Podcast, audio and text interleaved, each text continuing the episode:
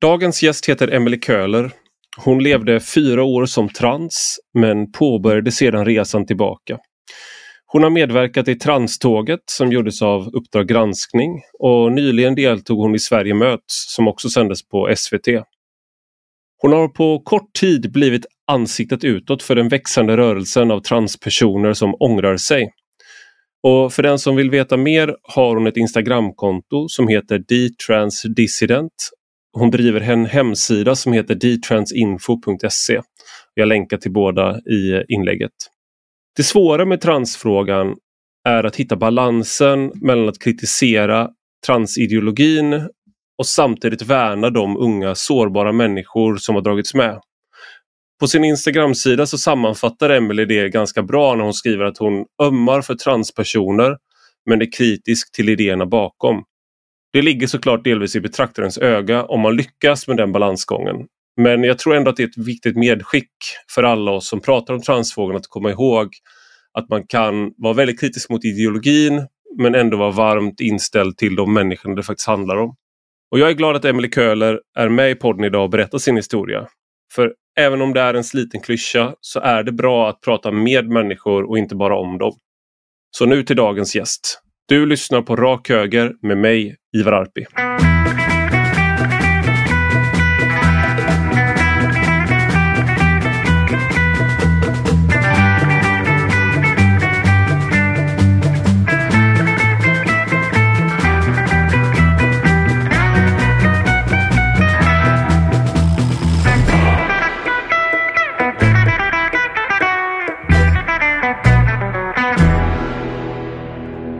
Välkommen Emelie Köhler till Rak Höger. Tack så mycket. Tack. Jag tänkte vi skulle bara börja med den enklaste frågan egentligen. Vem är du? Eh, på din, jag, jag, tror att jag stötte på dig, eh, du ska få svara på frågan, men på din, jag stötte på din sida på Instagram och då tror jag inte jag visste, jag vet inte om du var helt öppen med vem du var då. Och din Instagram-sida är dtrans underline dissident, alltså dtrans dissident. Just det. Och där skrev du om din erfarenhet som eh, att ha eh, transitionerat från kvinna till man och sen tillbaka igen. Det står också på din sajt eller på din Instagram-sida då att du levde fyra år som trans. Så jag tänkte bara börja med egentligen med vad var det som ledde fram till att du gjorde en könstransition och sen vad var det som gjorde att du gjorde en detransition? Just det, ja det är ju en eh vi har tid. Går jättelångt, men vi har tid. Okej, okay. ja, men vi, vi tar det från start då. När, när jag växte upp så var jag ju, kan, kan man absolut beskriva mig som en väldigt typisk tomboy. Så. Ja. Jag brukar säga att jag upplevde inte det som några större problem så när jag var yngre, yngre liksom, utan det var mer när, när jag kom upp i pubertet, högstadiet, gymnasiet, eh, som det var liksom ett, ett pågående tema för mig hela tiden att jag kände att jag verkligen inte passade in i hur jag förväntades vara som eh, tjej eller kvinna. Då. Sådär.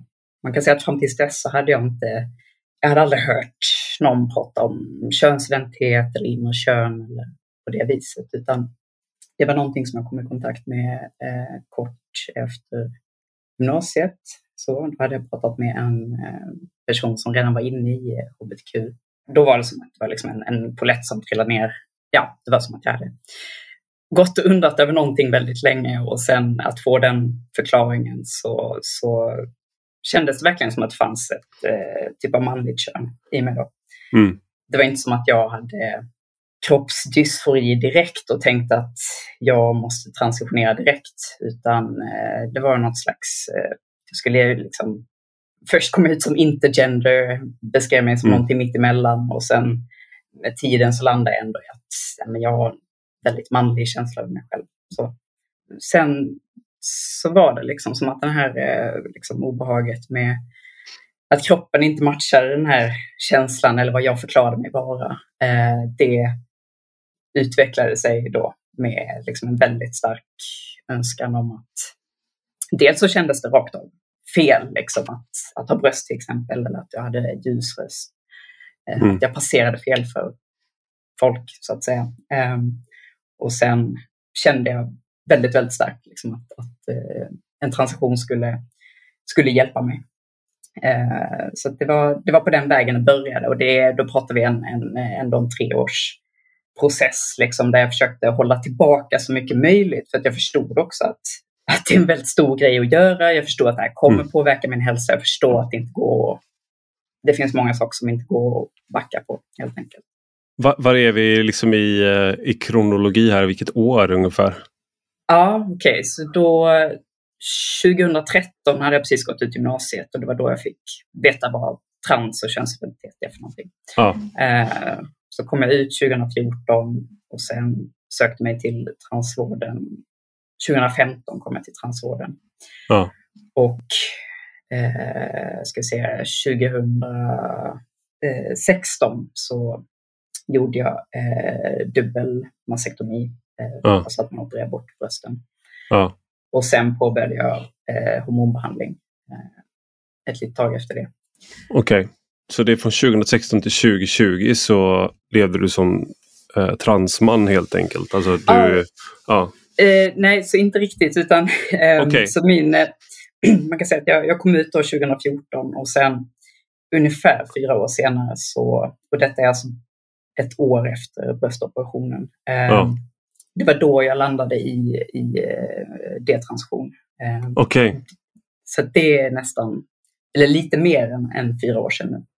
Ja. Ehm, sen har jag ju, eh, jag kan säga min första tanke var absolut inte att jag skulle gå ut eh, offentligt med min, min första tanke var att jag skulle byta namn och försöka gömma så mycket som möjligt av min eh, bakgrund.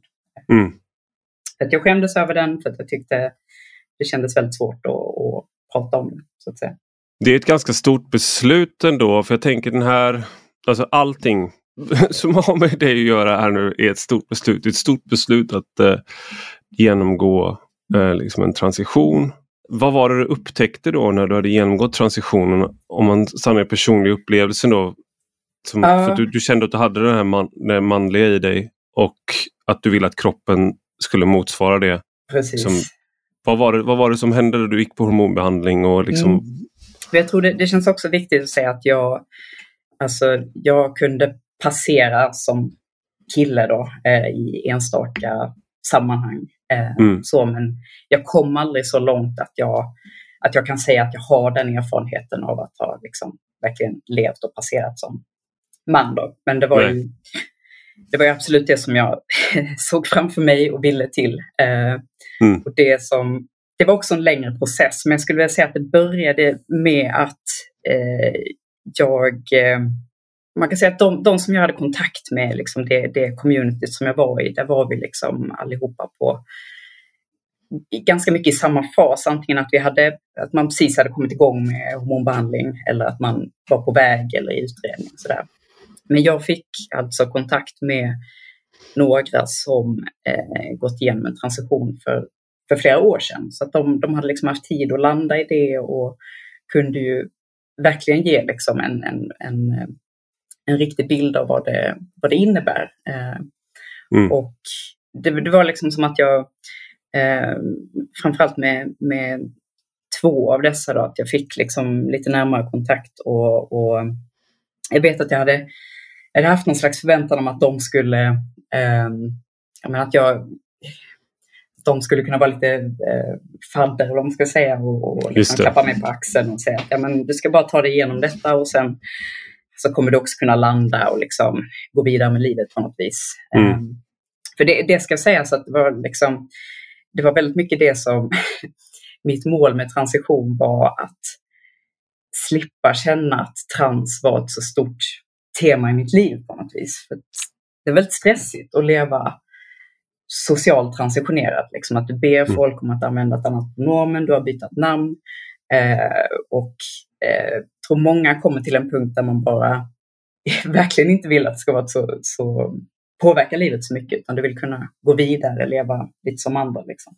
Just det, eh. landa i det man är på väg mot snarare än att ja. vara fast i mellanläget då. På något ja, sätt. precis. För jag, jag förstod också att eh, det var inte som att jag nu ska jag bli man-man. Liksom. Jag mm. förstår mm. att det fanns begränsningar i vad man kan göra rent eh, med hormoner och kirurgi så att säga. Mm. Men för att komma tillbaka till de, de som jag fick kontakt med där, då, så eh, var det snarare än att de var liksom, ja men vad skönt att du har kommit ända hit genom utredningen liksom och snart kommer det bli bra. Så upplevde jag det som att de gav mig mer, mer varningar än någonting annat. Ehm, mm. Och att det handlade mycket om ja, men många av de sakerna som är mycket svårare att, att prata om kanske eller sätta fingret på. Ehm, mm. Att eh, i alla fall de här två hade fortfarande Dels så kämpade de liksom fortfarande med en del liksom depression och ångestproblematik. Så. Ehm, mm. Och sen en av dem pratade mycket om att liksom, du, du kan inte förvänta dig att all dysfori ska gå bort, liksom, utan kommer antagligen fortfarande leva med någon slags obekvämhet runt kroppen. Och, och sen också, eh, tycker jag också är lite svårt att, att liksom beskriva ibland, men, men, men eh, jag tyckte en av dem uttryckte det väldigt bra också, att, att liksom han upplevde det som att först var han i ett fängelse och sen blev transitionen på något vis att, att gå in i ett annat fängelse. Hur då? Det, det låter ju väldigt eh, kontra, alltså inte, kanske inte kontraintuitivt men eh, i alla fall som motsatsen till det man vill uppnå. Ja visst, visst. Men, eh, nej, men jag tror liksom han pratar om att ja, men det, det är en sak att, att ha den här starka känslan av att eh, vara ett annat kön. Eh, men att sen faktiskt gå in och leva i den här andra könsrollen. Det är liksom inte riktigt samma sak då, utan det är som att som man så har du såklart också förväntningar att leva upp till. Också regler innanför könsrollen. Eh, och det är inte nödvändigtvis det som du eh, eftersträvar att behöva förhålla dig till genom transition, utan det går ju väldigt mycket på den här känslan upplevs av sig själv. Då. Mm. Eh, men ingen kan ju veta ingen kan ju veta exakt vad det är, hur det är eh, förrän man verkligen har gått igenom de här stegen och börjat passera och leva i det andra könet. Nej. Så det, det var som att han, han problematiserade många av de sakerna som, som jag inte hade tänkt fullt så mycket på tidigare. Vad tänkte du då? Eh. Alltså, var det någonting som blev en eh, eh, tanke om att det du ville frigöra dig till inte kanske var riktigt det du eftersträvade? Eller Ja, men liksom verkligen att den här, alltså min bild av att om jag bara tar mig igenom detta så kommer jag kunna återgå till ett någorlunda normalt liv. Liksom. Eh, mm verkligen inte att jag hade tankar om att jag kommer bli liksom, lycklig resten av livet. Men, eh, ja, men just det här med att liksom, biten trans skulle inte behöva vara ett så stort tema. Eh, mm. Men det var motsatsen till det som de sa till mig. Liksom.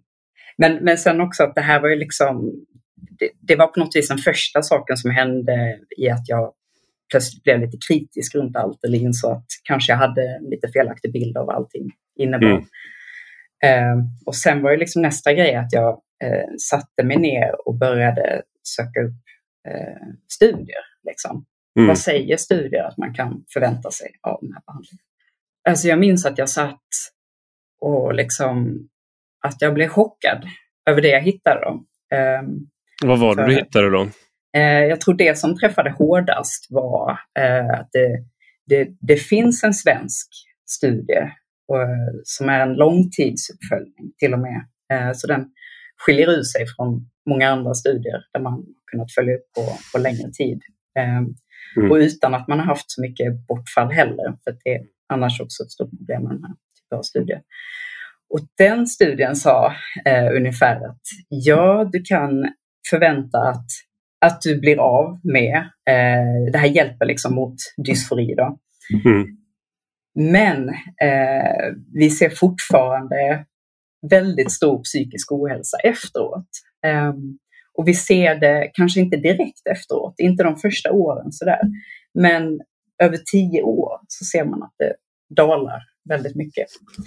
Och också att det går att tala om en, en skrämmande hög, tycker jag, eh, alltså suicidfrekvens efteråt.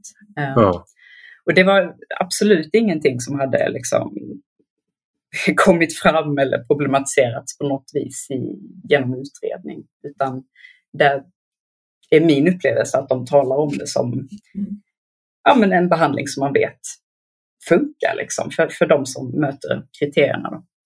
Och där är det också en, tänker jag, ett argument som återkommer är att man med hjälp av eh, transvården så eh, och att du ger eh, möjlighet till könstransition så förhindrar du eh, suicid, självmord. Eh, mm. Och att då när man är kritisk till det, där jag, har jag mött då när jag, när, jag, när jag skrivit om de här frågorna och sagt vet vi vad vi gör ungefär. Det var väl det jag skrev i alla fall första gångerna när jag började skriva typ 2015, 2016.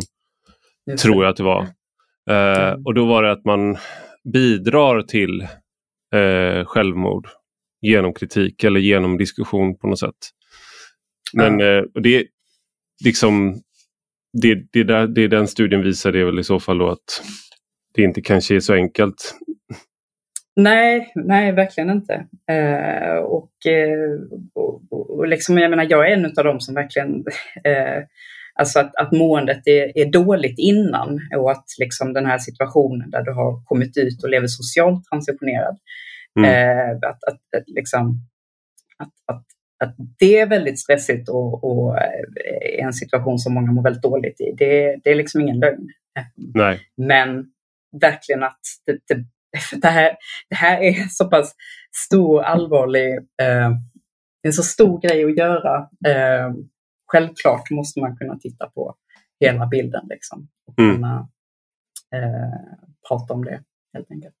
Så den, men de, den studien var en av de studierna som var de mest liksom, gedigen som du inte hade stött på ja, eh, i, i ja. liksom dina möten och eh, den, jag kan säga ja. uh, den och en annan översikts, uh, vad kallar man så här meta, Just där man tittar på flera olika uh, research, intelligence, någonting publicerat i The Guardian. Så där man har gjort en översikt på alla studier man har kunnat hitta då, och också då landat i en slutsats om att det går inte att säga att den här behandlingen är effektiv. Helt enkelt. Nej. Mm. Det är ganska stort ändå. Alltså, men mm. jag tänker, vad, vad var det då som fick dig sen att du fick dig att tvivla? Men mm. jag tänker ändå om du hade fått en väldigt positiv eh, erfarenhet. Eh, då hade man spelat ju studier ingen roll eller på att säga. Det är som så när man upplever, man får en placebo kanske. Alltså, nej, men när, när man, om, man, om man är med gör någonting sådär, jag, jag, läste en gång att spannmålsallergi är hittepå, det finns inte. Men så har jag en autoimmun eh, sjukdom som jag ville försöka hitta. Så jag bara, men jag kanske ska testa det här med spannmål, att utesluta spannmål efter att jag hade läst att det är trams, att det liksom hittepå. Och fick mm. jättebra effekt av det. Fast då det var ju så här, givetvis någonting annat som var. Eh, det eftersom det inte finns. Men eh, min placebo var superstark. så att eh, liksom, och sen om man kan jag bara säga det om man, ut, om man inbillar sig själv att man utesluter spannmål då går man ner i vikt för att typ allting roligt i världen innehåller spannmål. Eh, så att jag gick ner i vikt och mådde mycket bättre av den anledningen. Men, så det var inte någon spannmålsallergi men jag lyckades i alla fall inbilla mig det. Så att det liksom, ja. Men jag mm. upptäckte det via en studie då som visade, som var väldigt gedigen, som visade att det inte fanns. Eh, så var så jag övertygade mig själv. Det kanske säger mer om mig egentligen. Men, eh, men, var, men, om du hade haft en positiv erfarenhet av eh, av det, då hade du ju liksom kanske inte, då hade det här kanske inte bitit på dig ändå. Nej, men jag tror det, det, det är absolut en jätteviktig del liksom, av hela eh, min detransition. Då. Att det, var det var absolut inte som att, liksom, okej, okay, då hade jag pratat med dem, jag hade upptäckt de här studierna, det hade fått mig att börja tvivla. Mm. Men jag var ju fortfarande trans. Liksom. Jag var fortfarande mm. kille på insidan, eh, så som jag förstod det. Liksom. Och, mm det tycker jag också är viktigt att lyfta i, i de här samtalen, att den där, eh, den där känslan är väldigt stark eh, och, och går verkligen att beskriva som att, eller om jag skulle beskriva det i alla fall, att om, om, om jag såg på mig själv i, i någon slags tredje perspektiv liksom, så var det väldigt mycket en, en kille som jag tittade tillbaka på. Liksom. Ja. Jag var rent ut sagt eh, förtvivlad. Eh, för jag ja. visste, alltså, jag hade ju kommit en bit liksom. Eh, och plötsligt så trodde jag inte på den lösningen lika mycket längre. Men vad fanns det, jag tyckte fortfarande att det var hemskt liksom, att leva i den här socialt transformerad men folk tar mig inte riktigt på allvar och mm. trans syns så mycket liksom. Jag vill inte att det ska göra det.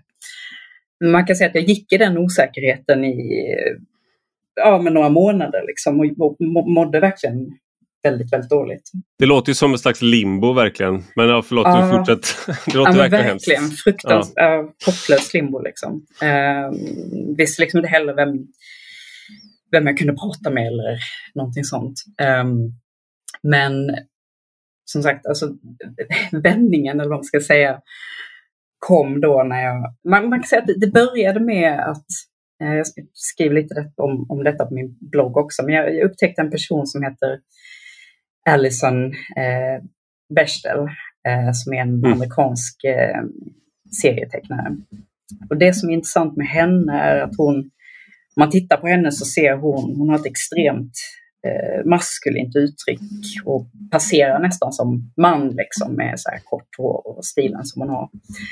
Och det var som att jag lite grann kunde se mig i henne då. Um, mm. Och sen det som verkligen träffade var en, en, eh, en intervju av henne som som jag hittade då, där hon hade fått frågan, liksom, men är inte du, är inte du trans på något vis eller icke-binär i alla fall eller mm. sådär. Um, och då hade hon svarat att liksom, nej, jag, jag är kvinna för att min biologi är kvinnlig.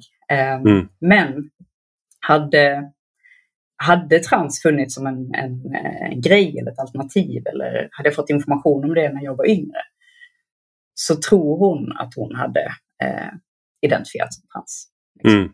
Och jag, liksom, först när jag läste det så var jag ganska ställd och det, det liksom gick inte riktigt in i min, min världsbild utan jag tänkte att ja, men hon är nog ändå i alla fall icke-binär, liksom, men hon som man brukar lider av internaliserad transfobi eller någonting. Just det. Um, så, men, uh, men, men det var som att jag fastnade ändå för henne och började liksom läsa grejer som hon har skrivit och kände att jag identifierade väldigt mycket med hennes framförallt hennes uppväxt då som väldigt mycket pojkflicka. Och, mm. eh, och sen så fortsatte jag på det här spåret. Liksom, vad, vad, menar hon när hon säger att hon är kvinna bara för att hon har en kvinnlig biologi? Eh, mm. Det gick liksom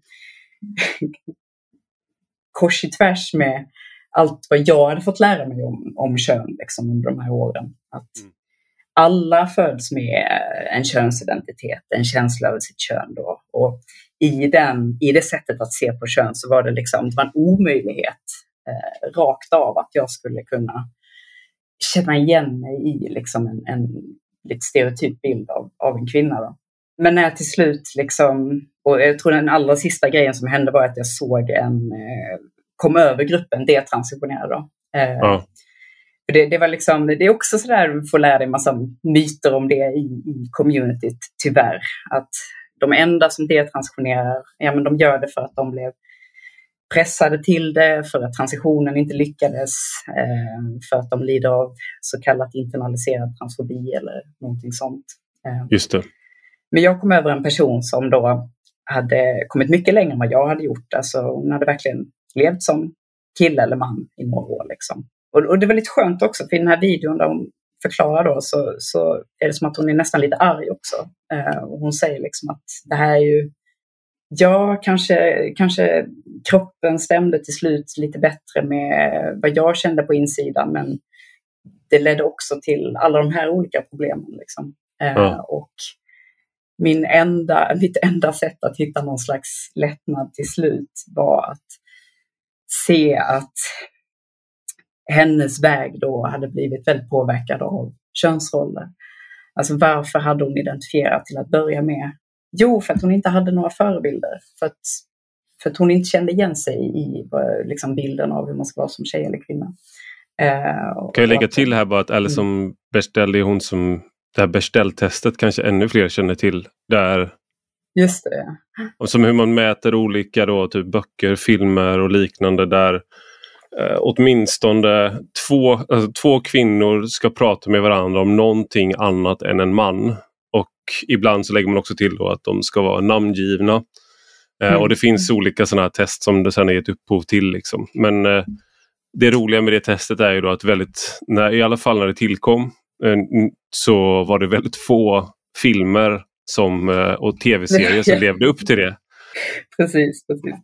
Det, det finns eh, liksom begränsningar i det men jag tycker, jag tycker ändå att det är ett ganska bra test eh, om man till, ska som att applicera på, mm. på filmer.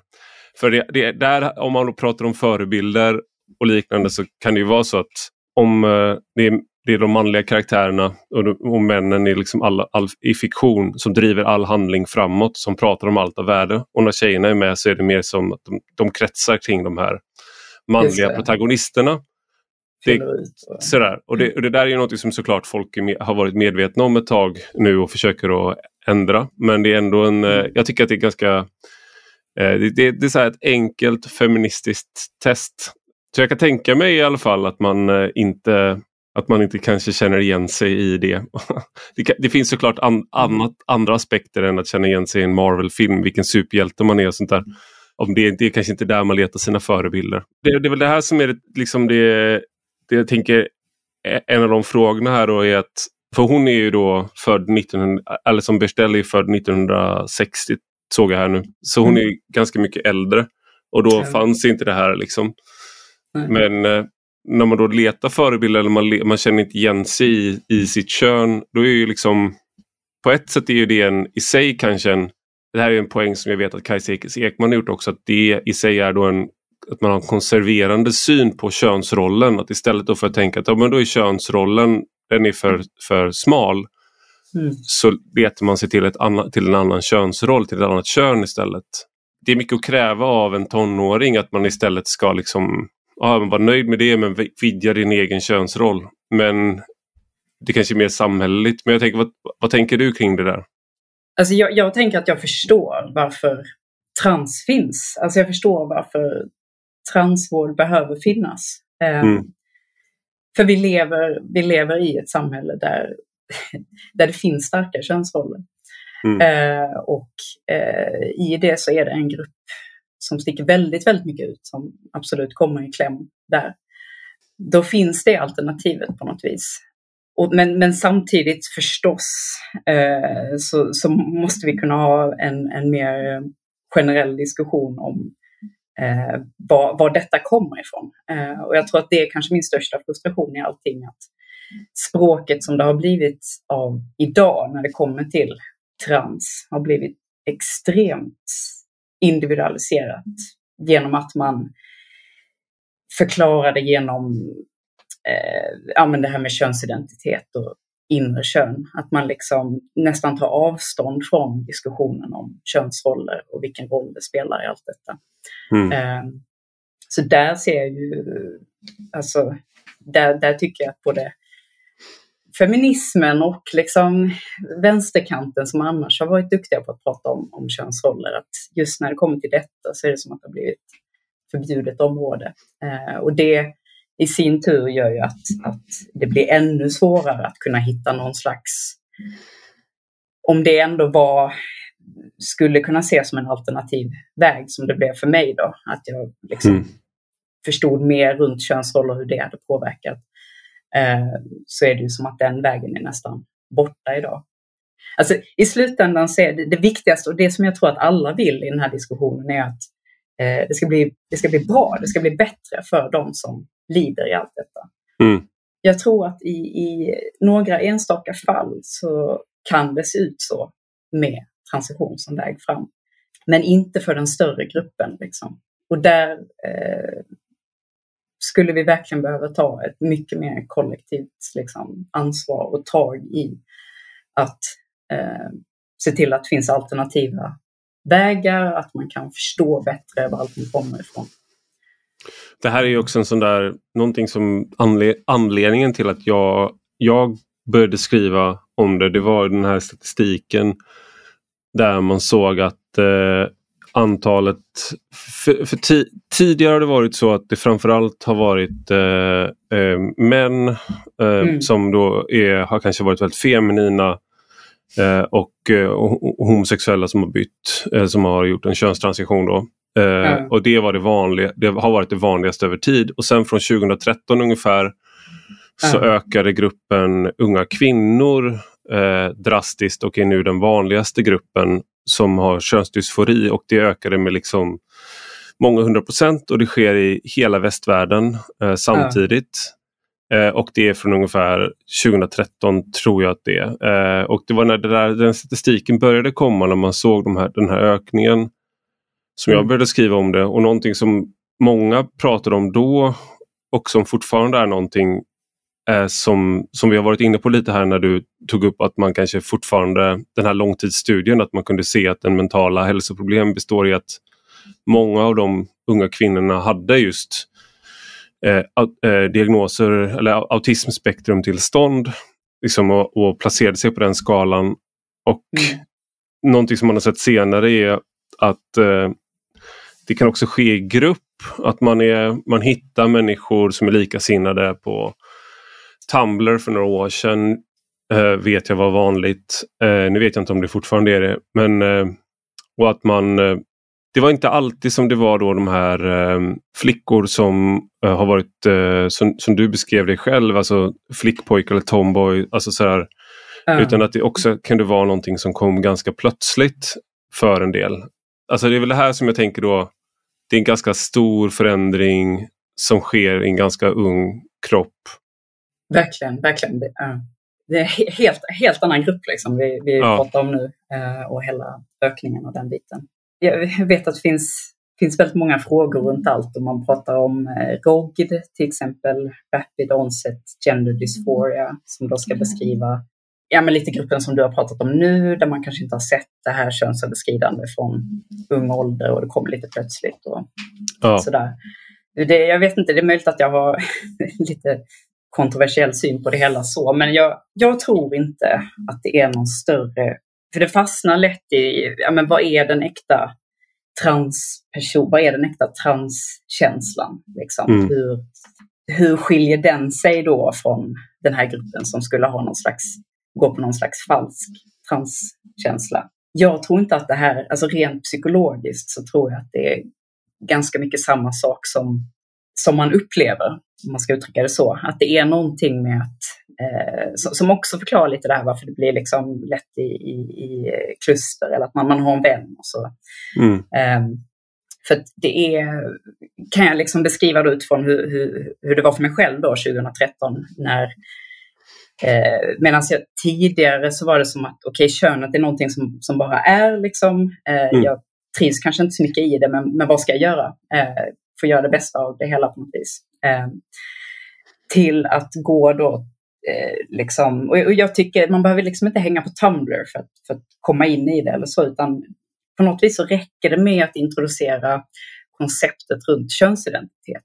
För mm. då får det plötsligt Alltså det, det, jag tror det träffar inte alla på det viset, för alla går inte runt och känner att de är obekväma i, i sitt kön och könsroll. Men de som är där, som på något vis inte känner igen sig, och det behöver inte ha att göra med könsöverskridande uttryck, utan ja, men att du är autistisk till exempel. Eller eh, bara väldigt, väldigt obekväm med, ja men liksom om vi tittar på gruppen tjejer, att du ganska tidigt förväntas gå in i en eh, väldigt feminin roll liksom och den eh, uppmärksamheten från killar som kommer med det. Eh, ja.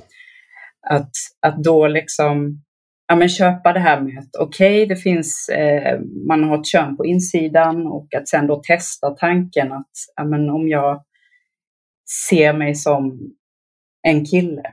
Som för min del då så var det liksom, en del i det var panik över att inse att jag var trans och en annan del i det var ju en typ av lättnad. Alltså en mm. lättnad över att ett, jag fick en förklaring på varför jag kände mig annorlunda.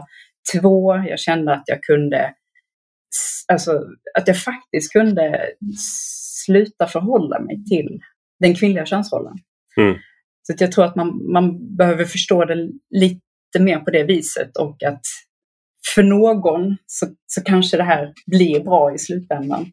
Men jag tror för den större gruppen som vi ser idag så du går in i det här sättet att se och förhålla, förhålla dig till dig själv.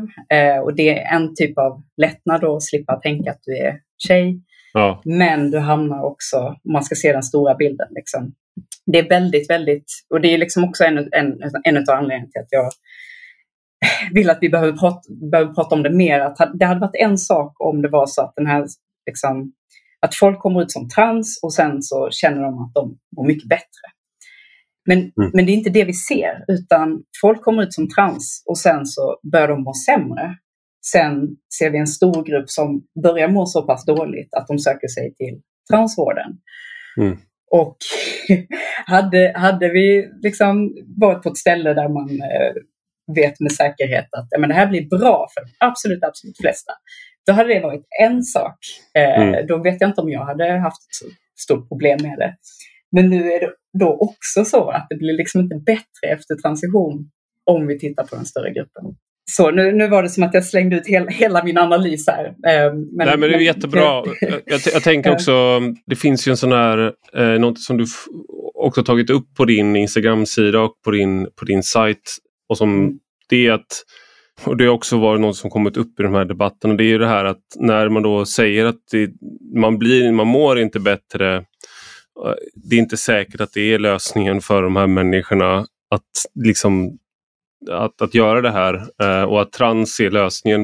Eh, så blir man kritiserad att då, då är man, förvägrar man på något sätt människor hjälp, hjälpen. Att det, uh.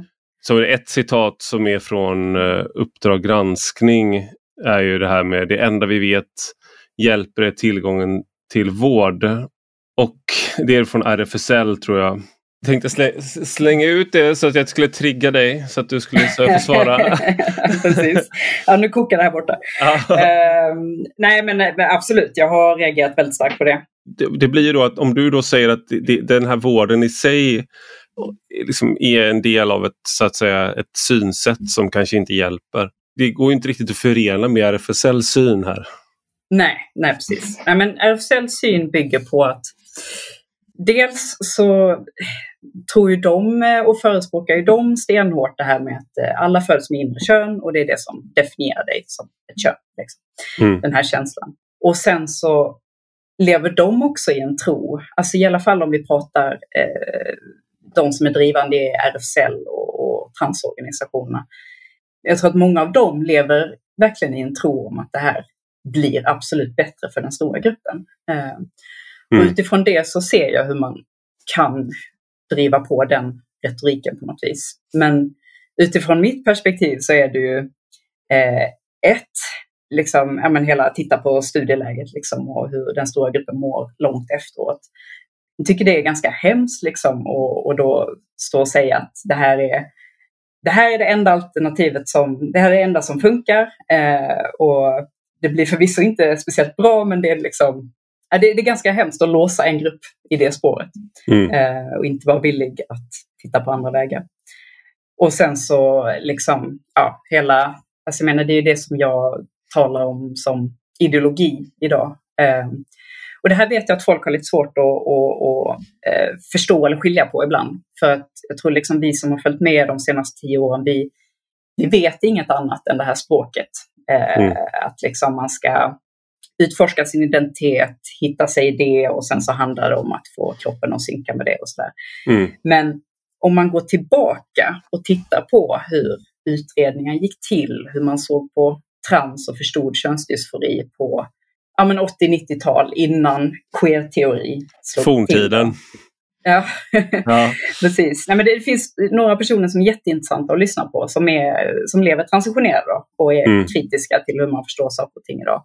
Mm. De talar liksom om att det var, inte, det var inte snack om att man skulle, alltså utredningar gick inte ut på att eh, försöka hitta eller förstå det här inre könet utan det var snarare att man hade en ganska alltså, en medvetenhet om vilket kön man hade fötts i, eh, vilken könsroll man, man hade levt i. Liksom. Eh, men att eh, det, det fanns då det här alternativet att du kan med hormoner och kirurgi så kan du ändra på kroppen så att du kan leva mer i den andra könsrollen helt enkelt. Du, du kan mm. göra detta för att passera. Det är inte så att du blir det andra könet, men för vissa människor så kan det, just för att man vantrivs så mycket i eh, den könsrollen som man är född in i, så kan det underlätta i livet. Jag vet att Buck Angel som är väldigt eh, rimlig röst. Eh, men också mm. ändå transman sedan många år och eh, han har ju sagt att liksom ju, ju, också är tillhör en tidigare generation av eh, liksom, transpersoner som inte har varit med på liksom det senaste så att säga tranståget som Uppdrag granskning heter. Men, så att mm. han, han, har varit en av kritikerna kring det här. Liksom. Ja, men jag är född som kvinna. Jag det är det som gör att jag är en transman. Mm. Eh, och är liksom, det är inte, har inte gjort en detransition men är liksom en kritisk till mycket av transdebatten och hur den ser ut idag. Och har då blivit kallad transfob.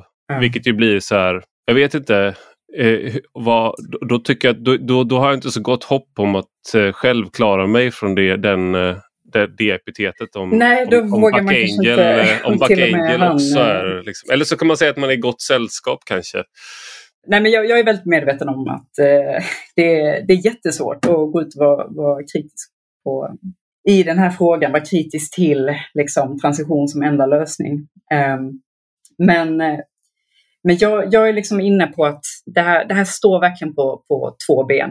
Uh, och faller det, alltså, uh, faller det ena så står det fortfarande kvar. Så man måste jobba med båda två samtidigt på något vis. Och det är dels då att få ut mer eh, liksom, information om vad, vad innebär detta? Vad, hur blir det för människor? Vad kan vi säga om den stora gruppen? Hur mår de? Liksom, justera mm. den här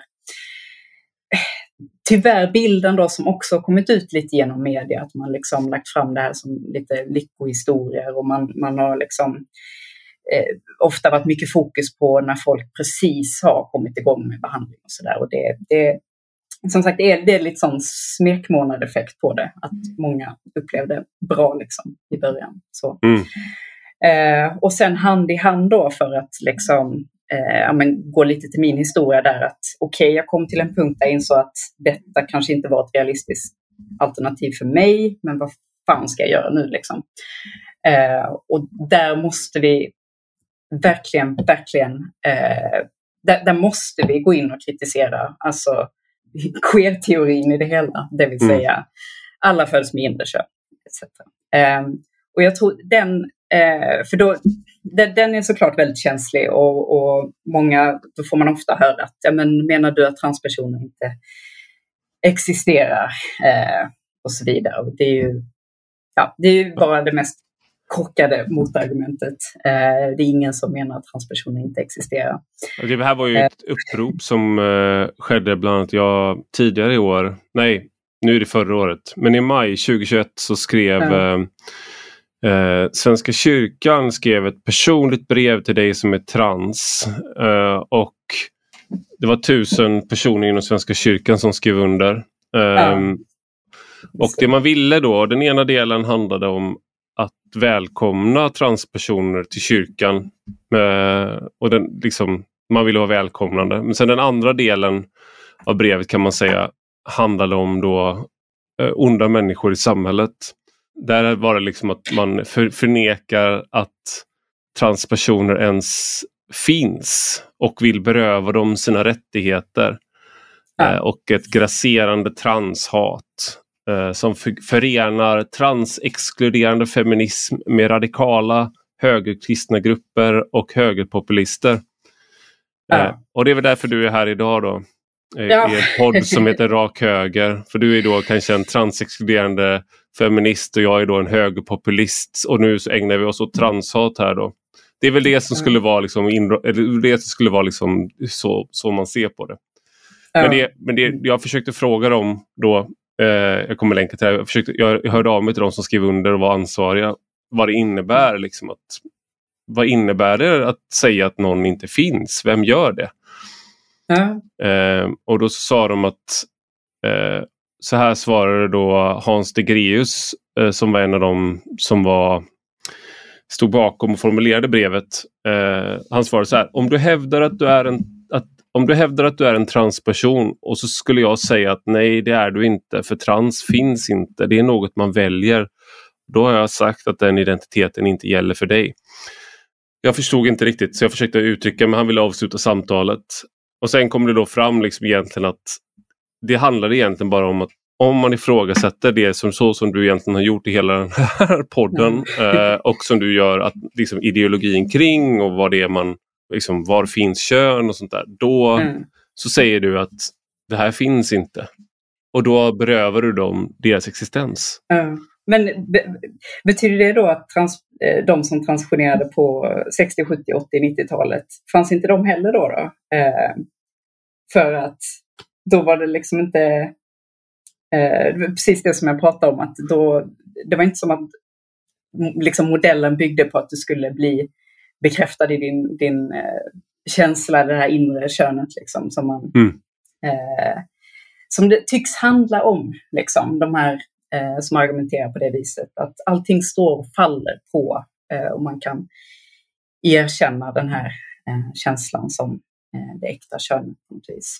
Mm. och liksom, det, det är där jag menar, där måste vi vi måste komma förbi den och förklara att det, det, det står inte och faller på det utan transvård kommer fortsätta att finnas även om vi eh, diskuterar vad exakt kön är för någonting. Eh. Men det, det, är det här som är när vi pratar om eh, Kajsa Ekman nämnde jag förut och när vi pratade innan så, prat, så tog du upp henne som hennes bok som kom förra året. Mm. Mm. Och hon är ju en av dem då som har varit eh, mest, vad ska man säga, kritiserad. I, kanske för att hon är vänster så har hon också blivit eh, eh, liksom deplattformerad får man väl säga men att hon inte har varit välkommen på olika ställen.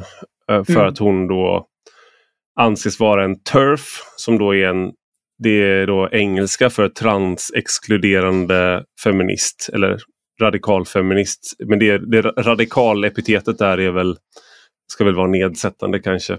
Men, men hon, hon hävdar ju just det här då liksom att man, om man tidigare sa att det är könsrollen som är för snäv så därför måste vi ändra den. Mm. Så säger vi idag att nej, det är du, det är, det är, din kropp som är fel. Så vi kommer ändra den. Oh. Och det där ehm. är då, det där blir liksom en, det där är ju två synsätt som står mot varandra. Eh, skulle jag säga till stor del. Och, eh, jag tillhör ju en, eh, jag är lite äldre än dig, men när jag, jag gick på en, eh, på en gymnasieskola som var väldigt vänster, Schillerska i Göteborg och eh, många tjejer som jag umgicks med och kände där, de började gymnasiet så var de väldigt feminina i sitt uttryck. Alltså så här, eh, va, va, alltså vanlig är väl fel ord men eh, nor normcore kanske. Men sen på grund av då den skolan vi gick på kanske och på grund av liksom, utvecklingen i samhället och inom vänstern. Och så, där. så många rakade av sig håret på huvudet. Mm. Och många ändrade liksom så att man tog eh, Man ändrade sitt uttryck så att man, att man skulle ta bort det feminina så att säga. Och det där var ju en medveten då radikalfeminism som handlade just om, i, alltså på ett sätt skulle man kunna säga att den är besläktad med trans Just för att man kanske inte var bekväm med, då handlade det väldigt mycket om att man, vi demonstrerade mot eh, strippklubbar och porrbutiker och sånt. Det var lite liksom så här, sent 90-tal, början av 00-talet. Så, så då handlade det om sådana saker. Men de, skulle ju, de var ju på något sätt då, många av dem skulle säkert vara eh, kategoriserade som turfs idag. Kanske, om de var i sättet de re resonerade då. Nu vet jag inte hur de har ändrat sig. Eh, liksom, jag har inte kontakt med alla. Men eh, de resonemangen man förde då var ju egentligen att kv liksom kvinnans eh, roll var för man, man, var missnöjd med hur kvinnans roll var i samhället och liksom vilka valmöjligheter man uppfattade att man hade och eh, vad man skulle anpassa sig till. Och det var det man ville ändra på. Idag mm. så hade man sagt att nej men du kanske ska vara någonting annat. Kanske. Ja men precis, då är man kanske något annat eh, kön då på insidan. Eh, ja. Verkligen, och, och, jag menar det är också en, en, eh, en sak som som, som jag ser väldigt tydligt att det finns eh, alltså det, det finns eh, någon lite, vad ska man säga, lite rebellisk, revolutionär idé i hela liksom, queer-teorin. Att ja, men, eh, om jag bara deklarerar mig som ett icke-kön eller icke-binär typiskt sett så eh, är det att ta avstånd från de könsrollerna som finns. Mm. Eh, men eh, det är ju frågan om man någonsin har kunnat liksom jobba med normer och strukturer på ett sådant sätt tidigare där man bara går ut och deklarerar en identitet om sig själv. Eh, mm. Om det är faktiskt, ja, om det får någon större effekt direkt. Och sen speciellt då också om det också visar sig att många av dessa som, som kommer ut tycks ju inte må så mycket bättre själva utan att det här blir ett slags spår in på en farligare väg. Då. Skulle man kunna hävda då att det anledningen till att de inte mår bättre är för att samhället inte är tillräckligt accepterande och att det visar på styrkan i de strukturerna man omges av. Så att det, det, det är inte transitionen mm. i sig som är problemet utan problemet är det omkringliggande samhället där normerna fortfarande är liksom starka. Ja.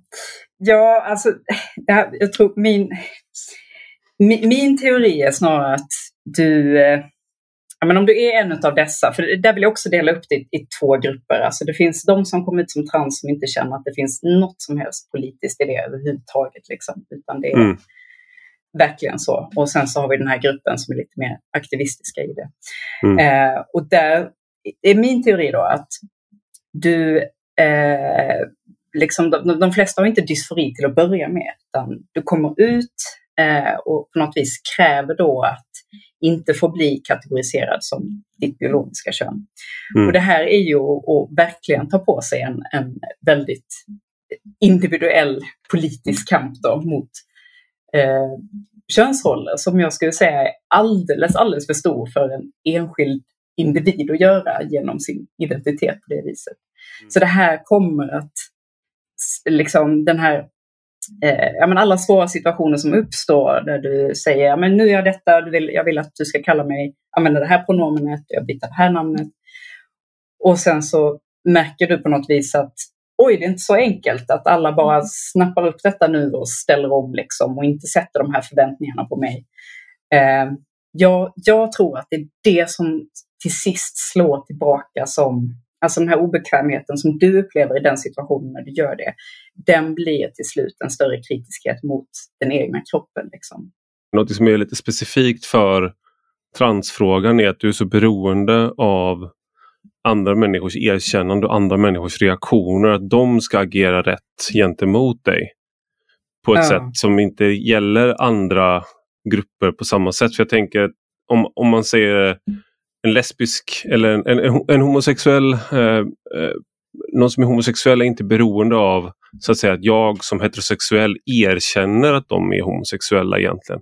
De kommer Nej. ändå att vara attraherade av, av, av samma kön. Det, det, de kräv, det, det är såklart att man kan vara homofob och bete sig illa men det är inte så att deras identitet står inte och faller med eh, heterosexuellas erkännande. Men en, en transperson måste ju om man har ett namn, man har ett pronomen, du måste hela tiden få med dig eh, andra människor. Det är också det som gör att man eh, gör det mer känsligt på vissa sätt. Att du kan ju eh, bete man, man, så att säga, man, genom att inte passera då som det könet mm. man upplever sig som, då, då är det ju andra människor som för, på något sätt förvägrar en inträde på ett sätt som kanske inte gäller i vissa, till exempel vad gäller sexuell läggning. Jag vet mm. inte om du, om du håller med mig om det resonemanget? Jo, absolut, absolut. Och jag tycker att det är liksom eh, en av anledningarna till att eh, alltså sexualitet och transidentitet är två helt olika saker. Eh, mm. går, går liksom inte att jämföra och blir, blir, jag blir också frustrerad när, när, när, när man gör, gör den jämförelsen. Liksom. Mm. Det är verkligen eh, är det verkligen två, två helt olika saker. Och det är ganska, alltså jag menar speciellt om vi pratar om unga personer, barn som kommer in i detta.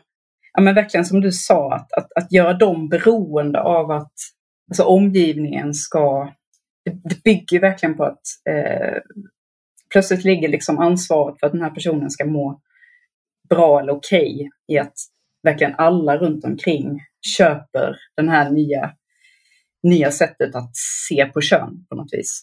Mm. Um, och det, jag skulle säga att det, någonstans är det lite det som har fått den här spridningseffekten också. Eh, liksom den, den, starka kurvan. Då.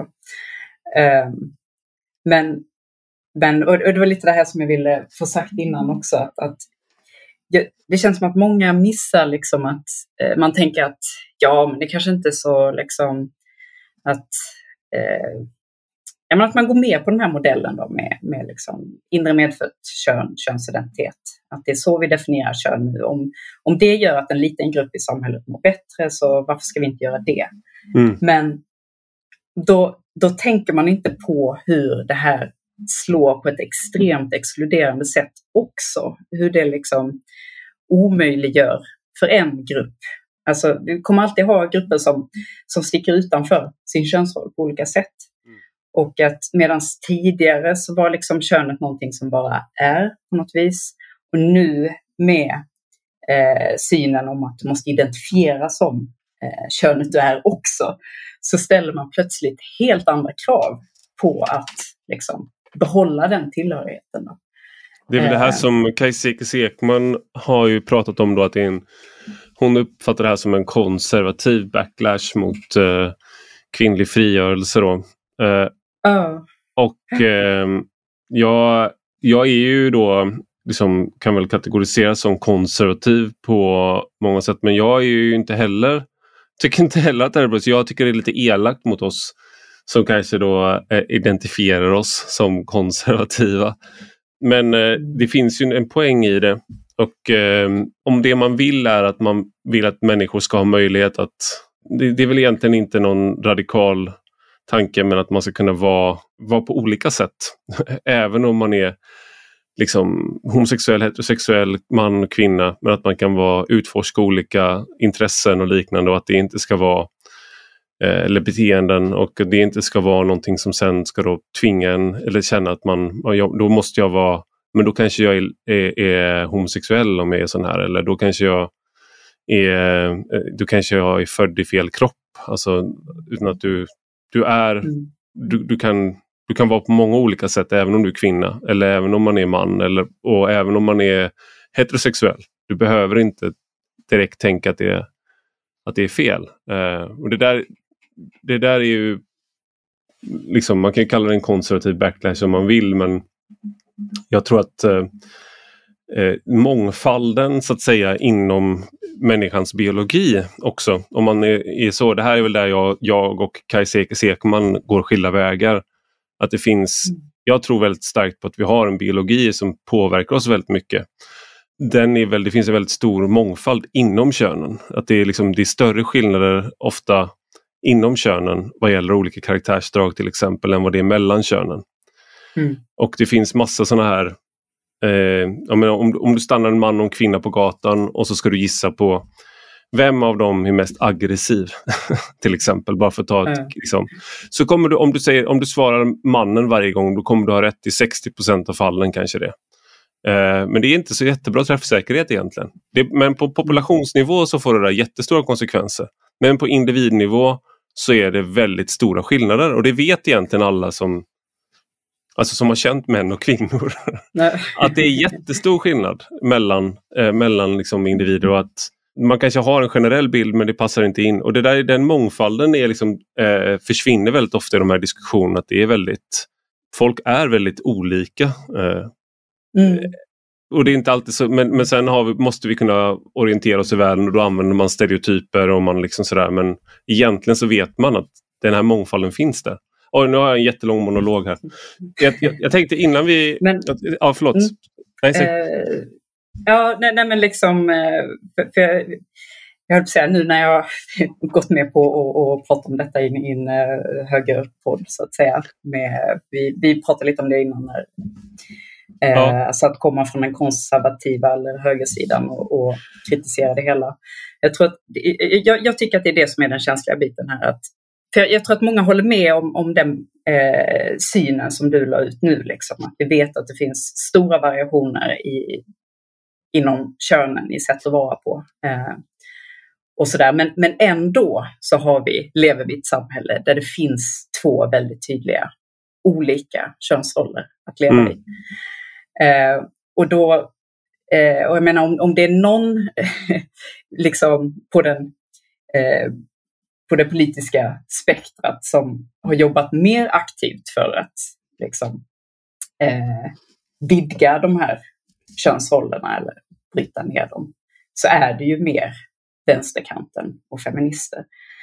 Eh, och då tycker jag att om man ska gå in som ja, men, från höger eller konservativa hållet, att, att liksom, om man bara kommer in och pekar på att ja, men, kolla på utvecklingen, kolla det är en trend, kolla ja, unga personer gör ingrepp eller ändrar på kroppen. Liksom.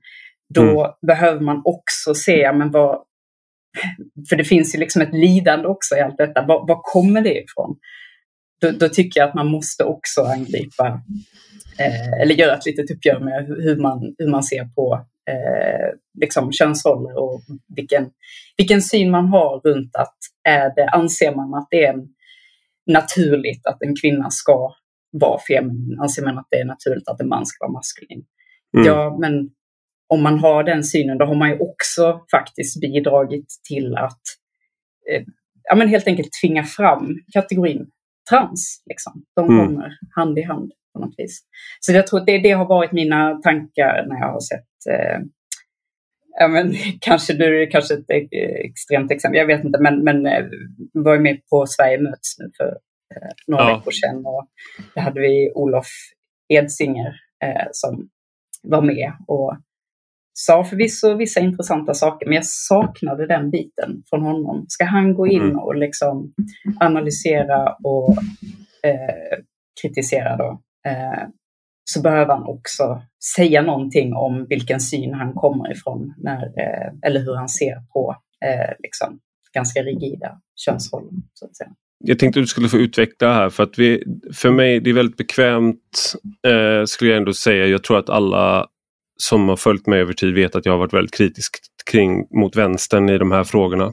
Eh, och också woke-vänstern eller vad man ska kalla det, identitetspolitiska. Och det här med när man då gör den här frågan som någon slags murbräcka, transfrågan mm. mot, eh, mot personer som man vill få bort. Liksom. Mm.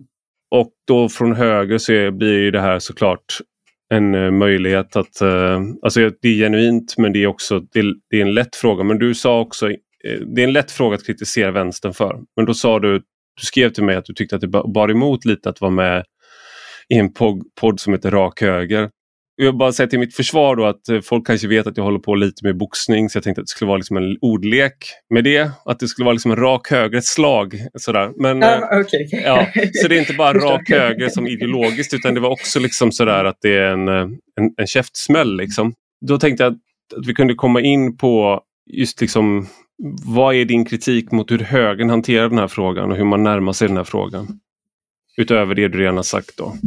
Okej, okay, ja, utöver. Jag skulle säga det, det ja, ja, precis. Nej, men det, det, för det, det, är nog det, är det mest centrala. Liksom. Att ja. Man måste förstå att detta kommer, alltså det, vi pratar om faktiskt lidande liksom, i att vara extremt obekväm i sin könsroll. Eh, mm. Och eh, att det måste, måste nästan problematiseras i första hand. Eh, Alltså, jag brukar tala lite om det som att jag har liksom genom mitt liv då och de olika faserna jag varit i så eh, har jag liksom varit igenom tre olika sätt att se på kön. Mm. Eller fyra till och med, om vi ska vara väldigt så här. Man kan säga när, när jag var liten och pojkflicka, det var inget större problem. Då var verkligen könet någonting som bara är. Och sen mm. kom jag upp i pubertet och då eh, då var det en stark press alltså på att eh, inte bara att, att man ska liksom gå in i det här eh, eh feminina och sådär, utan det skulle komma, fanns en förväntan om att det skulle komma naturligt. Den bilden finns där ute, att det ska vara något väldigt naturligt, att gilla smink och hela den biten. Så. Mm. Eh, och sen att jag då från, från det synsättet, eh, när jag märkte att men jag, det här, det här är inte mig, liksom. jag passar inte in i detta. Jag är en falsk kvinna, det måste vara något fel på mig. Men får man då, då reaktion, förlåt, men får då reaktionen att, uh, att det är du som gör det till då? Eller är det, då blir det liksom det som är, om det är naturligt så blir det ju den som inte känner att det kommer naturligt. Då blir det istället för att det är någonting som du blir ja. så att säga. Då blir det ju så att mm. man, om man inte känner att man passar in i det, då är det ju mm. bara, men måste du hålla på och kon, konst, konstra liksom? Kan du inte bara vara som, alltså sådär, att det kommer ja, inte... Ja, ja, men det är som att det är, den, den, den är nästan lite elak tycker jag. För det är inte, visst det, är väldigt lätt att säga, vadå kan mm. du inte bara vara som du är liksom? Mm. Jo, fast jag, jag, jag försökte det. Eh, mm. Men eh, det gick inte så bra. och eh, eh, det, var, det var faktiskt, och jag vet inte, som att vissa häpnas över det också, men det, var, det var aldrig någon som liksom kom till mig och sa att okej, okay, fine, du säger att du känner dig maskulin liksom. Och det, det är helt okej. Okay. Det är inget som är konstigt med det. Du kan fortfarande vara tjej och kvinna i det. Mm. Alltså, det gick fint när jag var liten. Eh, när jag kom upp i ja, eh, liksom, pubertet och sådär. Eh, då var det ju snarare då kan jag dra ett exempel, liksom, att jag, jag mådde så pass dåligt över att det här med femininitet inte kom naturligt för mig då, att jag mm. tog mig till ungdomsmottagningen för att prata med någon om det. Eh, och det var inte som att hon jag pratade med då sa att liksom, alltså jag menar det hon skulle ha sagt var att ja, men, det, här är inget, det här är inget problem, det är inget som är fel med dig, utan eh, tyvärr så har vi de här normerna i samhället och så får ju liksom får vi hjälpas åt så att du klarar det på något vis. Ehm, mm. Utan snarare så kom då frågor om min sexualitet.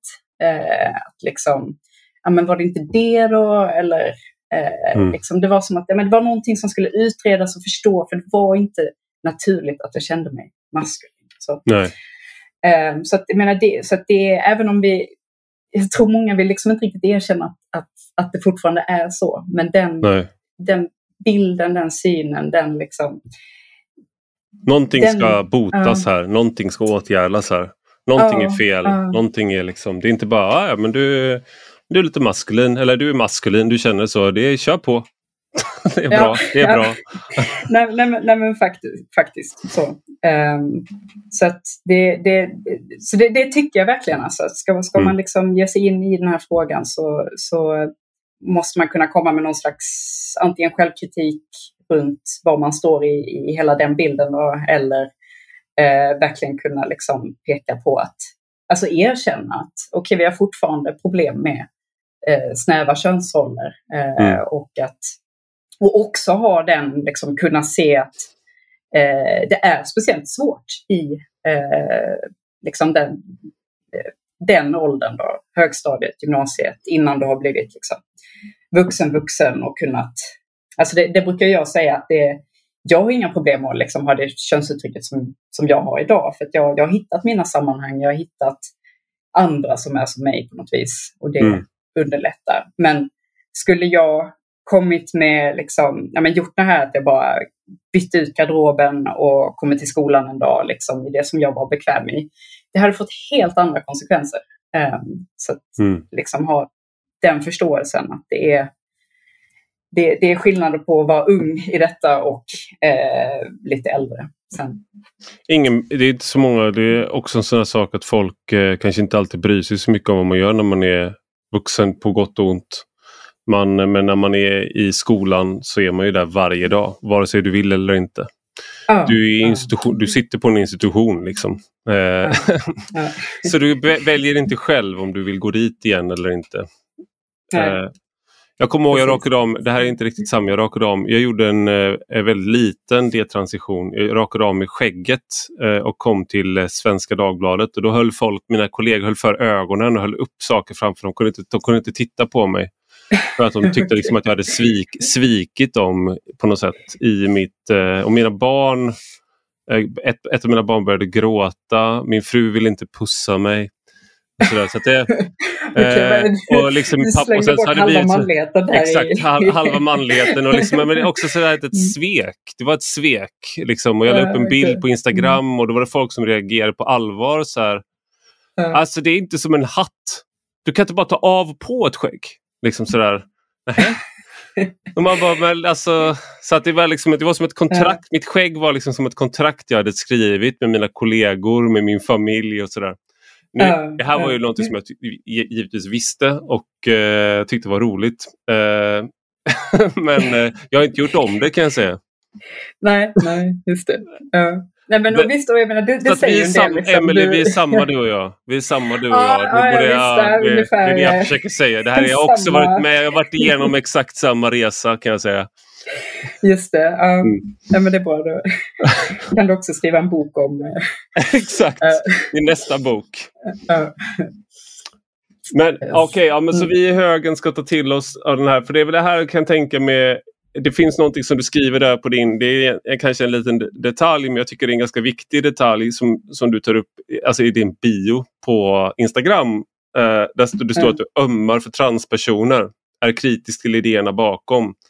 Och det här tycker jag sammanfattar ganska bra vad liksom, eh, hur man kan se på det här. För att, och Det var också någonting som Alexa Lundberg när jag hade henne i podden Mm. Eh, att man kan vara kritisk till de här sakerna, eh, till idéerna, men också vara, respektera människorna i det här.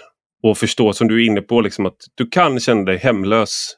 Eller vad man ska säga, sökande i det här för man känner sig, man passar inte in i eh, könsrollerna, man passar inte in i det här.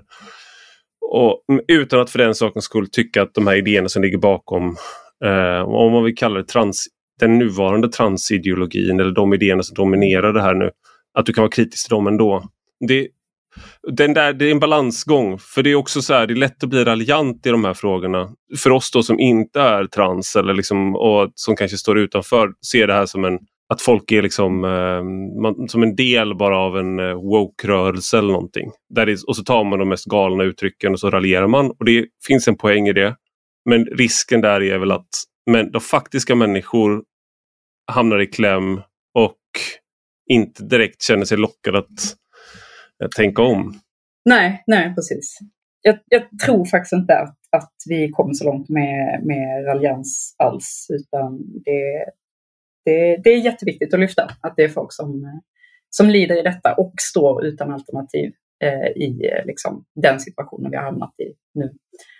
Mm. Eh, så, och sen eh, jag kom på en sak som jag, som jag ville lägga till, liksom, på, eh, ja, om man ska ge sig in och tycka och, och tänka i frågan.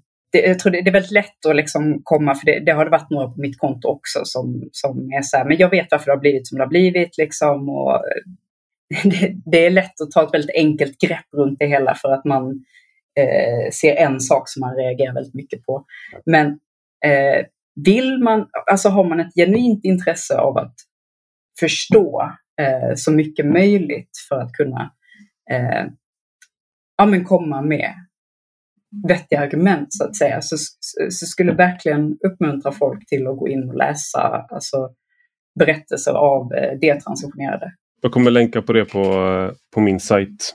Till den här, du, du tog upp en studie till exempel med eh, 100 som hade detransitionerat Precis, precis. Det har mm. kommit, bara senaste året så har det nu äntligen, äntligen kommit två studier i alla fall. Som, den ena tittar på 100, den andra tror jag det är 250 som är med. Mm. Uh, ja, man, man, kan få ut jätte, jätteintressant information uh, utifrån uh, de här studierna. Var, är, var, kan man hitta dig framöver? För att du har ju du har en sajt och du har en Instagram-sida. Är du aktiv på båda man kan säga att eh, hemsidan, alltså detransinfo.se, den eh, ligger mest upp eh, med ja, mer information om detransition, lite olika ja. och sådär. Den, eh, det är inte någonting som jag uppdaterar speciellt mycket. Utan vill man följa mina mer eh, privata tankar eh, runt det hela så är Instagram det bästa. Ja, det är, jag rekommenderar alla som är intresserade av frågan att följa dig där och se dig i Sverige möts. Jag kommer länka till allting vi har pratat om. Eller inte, kanske inte allt, jag kanske missar något. Men jag kommer länka till det vi har pratat om eh, i samband med, med podd, när jag lägger upp poddavsnittet här nu då, på sajten. Men eh, stort tack Emelie Köhler för att du var med i Rak Höger. Tack för att jag fick vara med. Och stort tack till dig som har lyssnat. Detta är alltså en del av en större publikation på Substack med samma namn som podden. Den som prenumererar där får två texter i veckan utöver den här podden varje söndag. Gillar man det man läser och hör så får man gärna bli betalande prenumerant för 5 euro i månaden eller 50 om året. Och då får man också ta del av lite extra material som är exklusivt för betalande prenumeranter. Du hittar rubbet på ivararpi.se. Och har du några frågor eller synpunkter kan du alltid mejla mig på ivararpi Vi hörs om en vecka.